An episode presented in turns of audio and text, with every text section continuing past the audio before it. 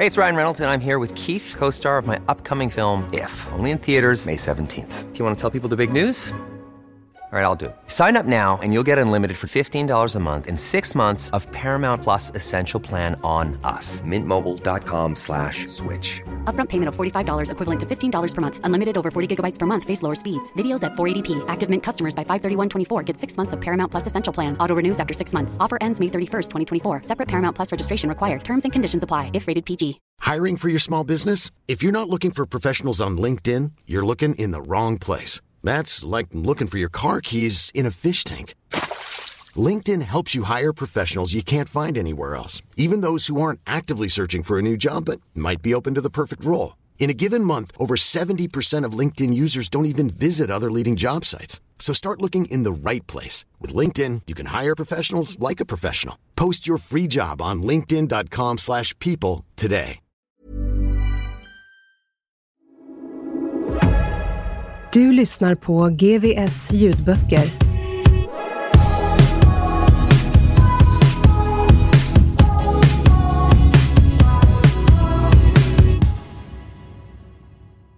Nytt kapitel. Svetten pärlar sig i pannan.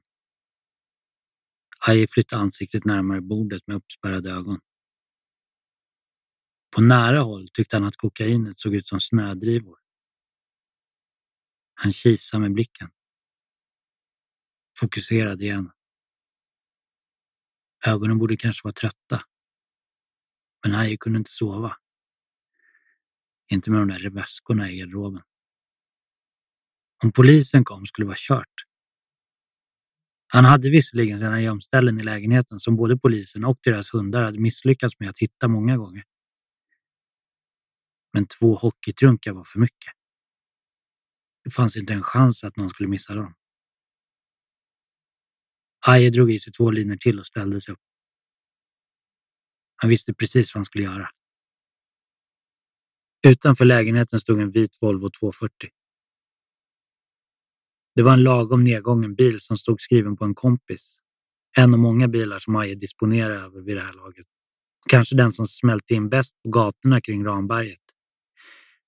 Det var ett perfekt gömställe. Han gick bort till persiennerna och kikade försiktigt ut genom en liten glipa. Mörkt och dött. Hela Kville sov. Perfekt, tänkte han. Mannen med de tunga hockeytrunkarna kände sig i princip osynlig när han försiktigt smög ut genom porten på Jägaregatan och skyndade bort till den vita Volvon. Han såg sig omkring och öppnade försiktigt bilens baklucka. Omsorgsfullt placerade han väskorna i bagageutrymmet. De fick precis plats. Han stängde luckan tyst, såg sig omkring och försvann lika fort som han kommit. När han vred om låset till ytterdörren från insidan kände han hur lättnaden spred sig i kroppen. Han kände sig som en riktig hjälte. Tack vare hans snilleblixt var nu lägenheten återigen en trygg plats. Han var säker. Aje tittade på klockan.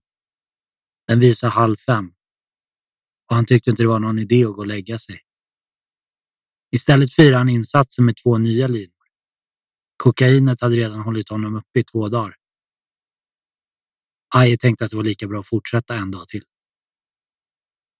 Ungefär samtidigt som Aje fyllde 20 i början av 1997 hade det blivit smutsigt med amfetamin. Inte rent affärsmässigt. Det var fortfarande en väsentlig inkomstkälla för honom och hans kamrater. Men att själv använda drogen var inte längre aktuellt. Kokain var finare, dyrare, bättre. Rusen var inte lika länge och blev därför lättare att kontrollera och eftersom pengar knappast var något problem var det höga priset och de större doserna inte heller det. Bieffekter som muntorrhet och svettningar var lindrigare än vid användandet av kokainets fulare kusin och även avtändningarna var betydligt lättare att hantera. Skulle man knarka med klass, och det skulle man, så var kola helt enkelt att föredra. Aje gillar drogen. Den passar hans livsstil och funkar bra för både fest och jobb, tyckte han. Livet blev både enklare och roligare. Men 2001, efter flera år av flitigt användande, började biverkningarna bli allt mer framträdande. Rastlöshet och paranoia. Känslan av oövervinnlighet blev kortare och den efterföljande känslan av misstänksamhet växte. Efter att ha tömt en påse vitt pulver och tittat en stund på tv började Aje successivt att sänka ljudet. Var han för högljudd? Han riktade kontrollen och sänkte ett steg till. 30 sekunder senare gjordes proceduren om. Efter en stund var ljudet nere på noll. Men tv-skärmen fortsatte att surra. Aje stängde av den. Lät tystnaden breda ut sig tills det enda han hörde var sina egna andetag. Soffan knarrade när han reste sig. Han gick bort till fönstret igen och kikade ut mellan persiennerna. Det var lugnt och stilla. För lugnt, konstaterade han. Aje plockade upp mörkerkikaren han fått av Buppo och spanade ut genom fönstret. Han betraktade bilen. Det kändes inte alls bra att den stod där. Vem som helst kunde ju få för sig att stjäla bilen, tänkte han. Och skulle polisen komma så var det klart att de skulle kolla bilen. Den smälte in alldeles för bra för att inte dra misstankar till sig. Aj undrar plötsligt om han kanske varit för smart för sitt eget bästa. Han backade långsamt tillbaka från fönstret och såg sig omkring i rummet. Han var tvungen att flytta på bilen. Det var en risk, men han måste göra det. Han gick in i badrummet och klädde av sig. Det ljumma vattnet kändes uppfriskande. Tankarna blev klarare. Han lät vattnet skölja över honom länge innan han stängde av och torkade sig. Han drog bort lite ånga från spegeln med handen och tittade på sig själv. Ett djupt andetag. Nu gällde det. De rena kläderna var också bra för självförtroendet. Aje satte på sig jackan i hallen och plockade upp mobilen. Det dröjde innan han fick höra den trötta rösten i andra änden. Hallå? Hej, Osten, det är jag. Jag måste komma över en stund. Är du hemma? Jaha, ja, men va? Bra, vi tar det sen. Jag kommer. Haje la på. Nu gällde det. Två små linor till i vardagsrummet och sen örat mot ytterdörrens insida. Ingenting. Ett uppmärksamt öga genom kikhålet. Fortfarande ingenting. Knäpptyst gled han ut genom dörren och stängde den bakom sig. Han smög nerför trapporna mot källaren för att komma ut genom husets bakdörr. Han undrade om det hade börjat bli ljust ute eller om det bara var hans ögon som hade vant sig vid mörkret. Gatlyktorna var i alla fall fortfarande tända när Aje följde byggnadens väggar tätt hela vägen runt till andra sidan. Han gick ner på huk och iakttog gatan en stund innan han smög med böjda knän fram till bilen och låste upp den. Han kände hur kroppen sjönk in i förarsätet innan han vred om nyckeln. Det lät lite mer om bilen än vad man hade kunnat önska. Men det var en kort resa bort till torget och ostens lägenhet. Det skulle ordna sig. Försiktigt lade han i en växel, tryckte foten mot gaspedalen och rullade ut på vägen. Handsvetten gjorde att händerna gled längs med den svarta ratten. Han övervägde att torka av dem men höll kvar händerna med ett stadigt grepp. På andra sidan gatan gick någon med en hund. Han tyckte sig kunna höra andra bilar köra längre bort. Hastighetsmätaren visar 27 kilometer i timmen. Lugnt och fint. Aje saktade in för den sista svängen och nästan kröp fram runt hörnet. Då hörde han smällen. Varje muskel i kroppen ryckte till när den explosionsartade dånet nådde trumhinnan och spred sig som en elchock genom honom. Bilen tvärstannade. Smällen hade kommit från ingenstans. Men plötsligt var den nyss så döda stadsdelen full av liv. Aje trodde inte sina ögon när han fick syn på de första militärklädda människorna som sprang över torget. Han förstod ingenting. Kunde inte bestämma sig för om han skulle trycka gasen i botten eller skjuta tillbaka. När han såg stridsvagnen kom paniken. Men redan någon sekund senare insåg han att det var lugnt. Det här hade ingenting med honom eller hans väskor att göra. Han lät chocken lägga sig en aning innan han klev ut ur bilen. Drog några djupa andetag medan adrenalinet pumpade. T-shirten var sjöblöt innanför jackan.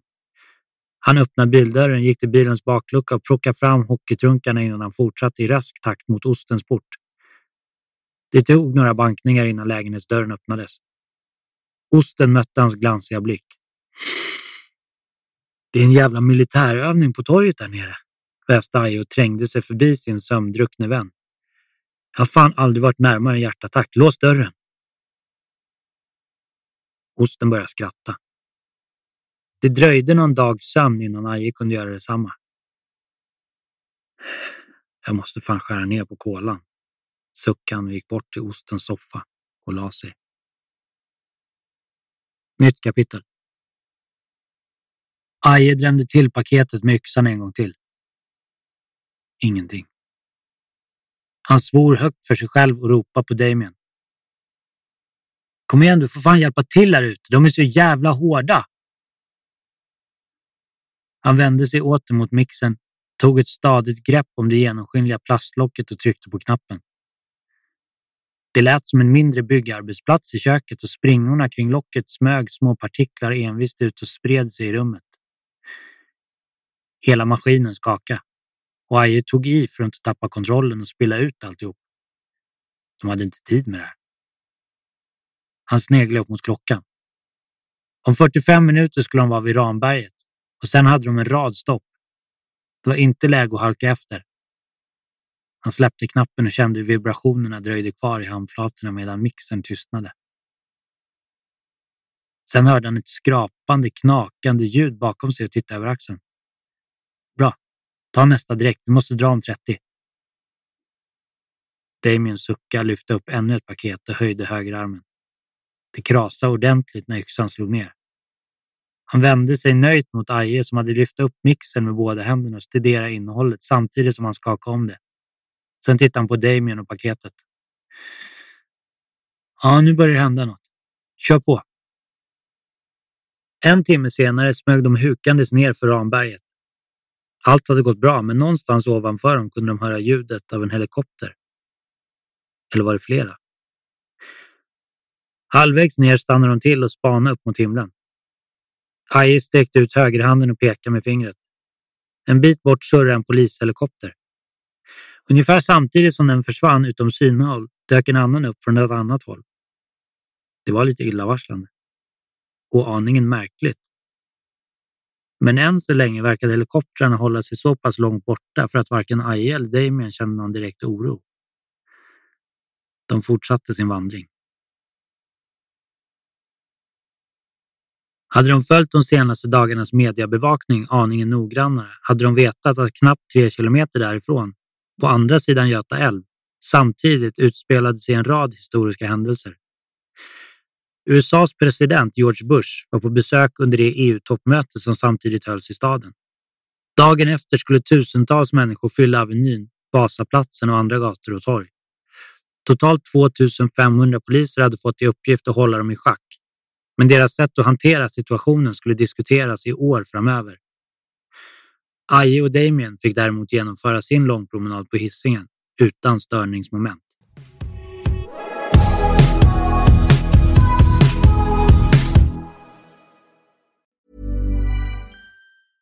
Hey, I'm Ryan Reynolds. Recently, I asked Mint Mobile's legal team if big wireless companies are allowed to raise prices due to inflation. They said yes. And then when I asked if raising prices technically violates those onerous two-year contracts, they said, "What the f*** are you talking about? You insane Hollywood ass."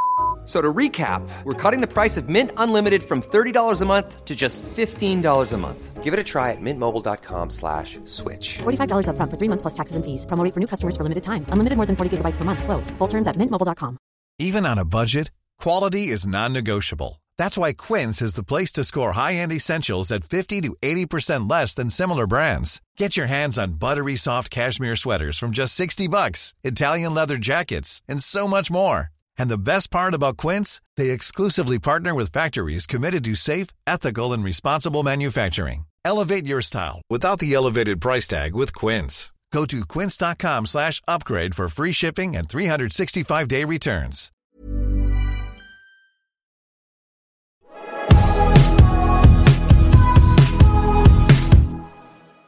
Nytt kapitel. Den stora diskoteksbranden vid Hjalmar Brantingplatsen i slutet av oktober 1998 hade krävt över 60 ungdomars liv och orsakat stor förtvivlan. Såväl svenska som internationella medier rapporterade om händelsen. Spaltmeter ägnades åt svårt skadade och skakade ungdomar som överlevt och åt räddningsarbetarnas chockartade reaktioner och mödosamma arbete. Till och med journalisternas påfrestande möte med katastrofen skulle senare generera en hel avhandling.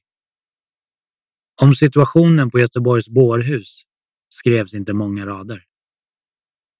Magnus hade redan åren innan drabbats av utbränningssymptom och fått lugnande utskrivet av en läkarbekant. Strax innan julen 1998 sa han upp sig från sitt jobb på Salgrenska och lämnade mycket av det som varit hans liv de senaste 18 åren. Någon gång under 1999 började han också allt mer försvinna ut ur både Slatkos och Ajes vardag. De hade tagit sin kriminalitet till nya nivåer och Magnus hade varken ork eller intresse att följa efter.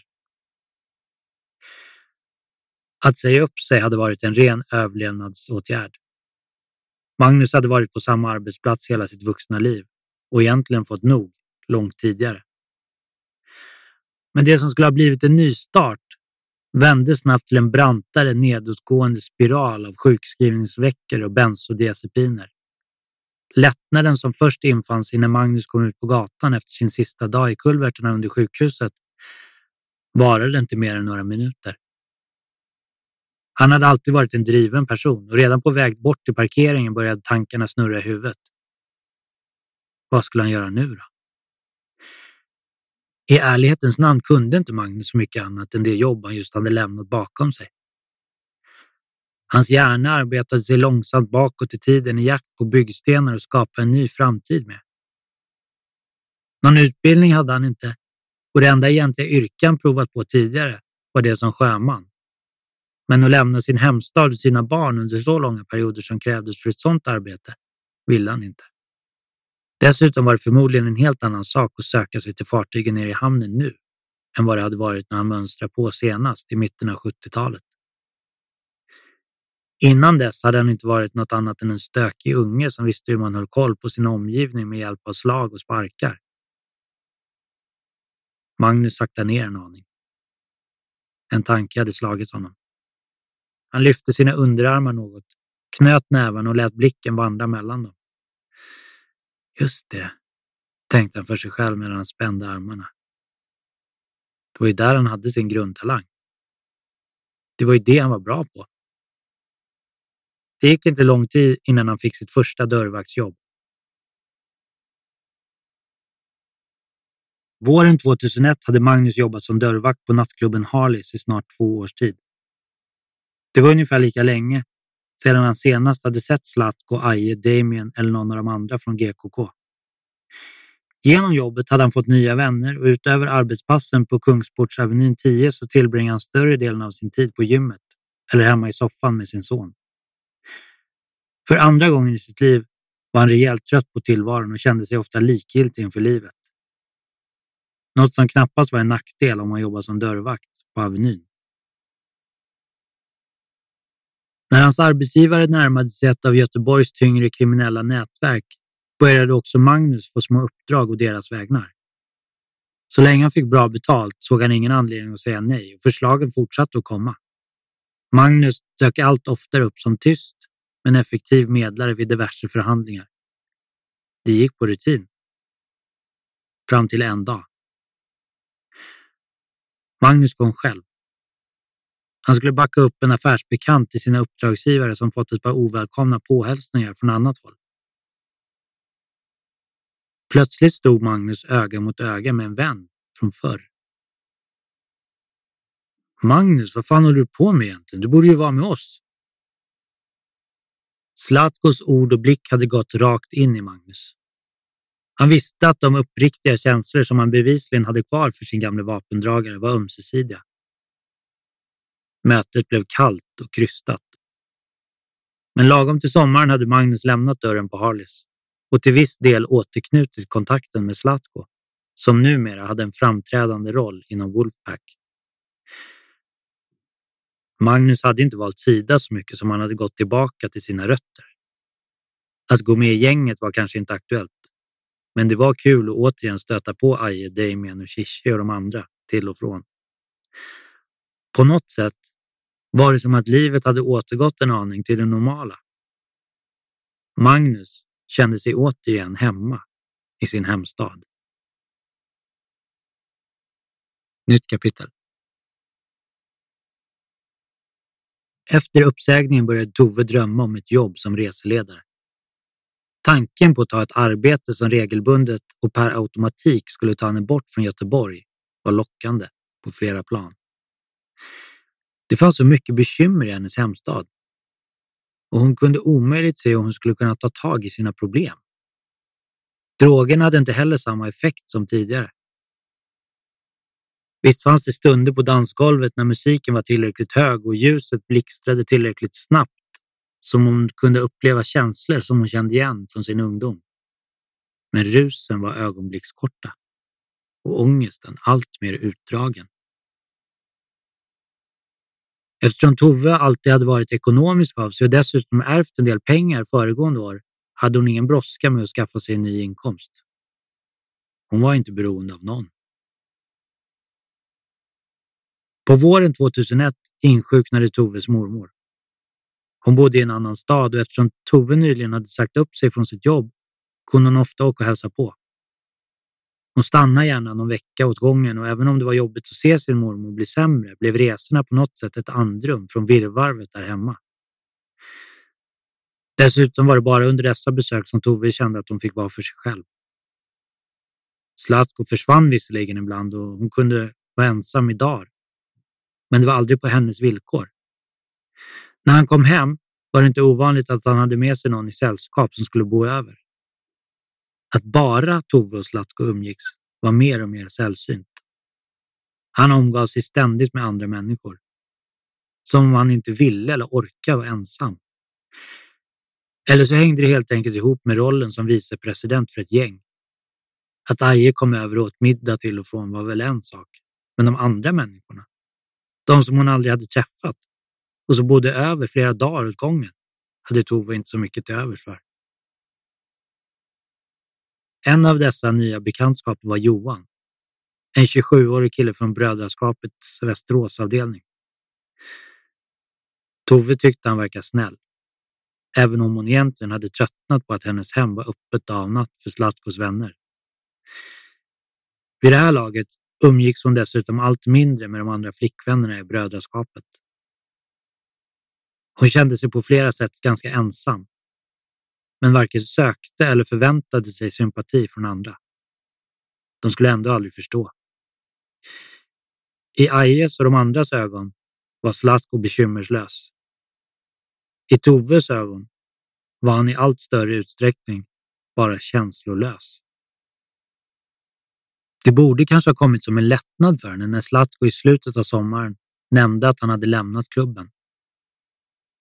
Men Toves relation till både gänget och sin pojkvän var så infekterad att hon knappt orkade bry sig.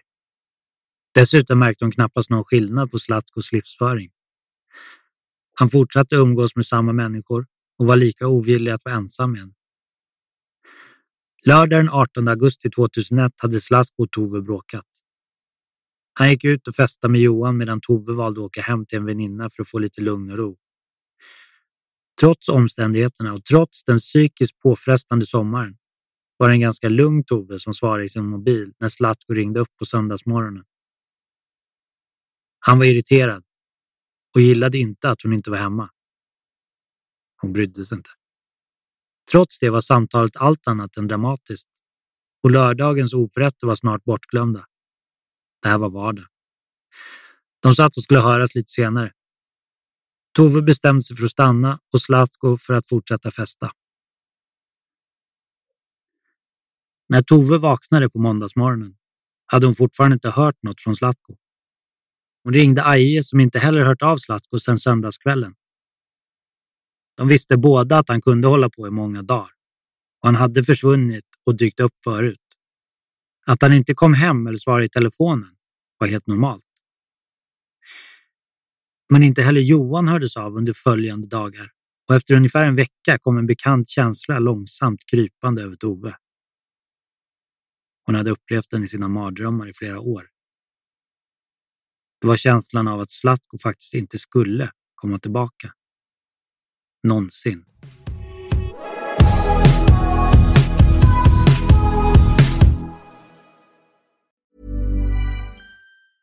Planning for your next trip?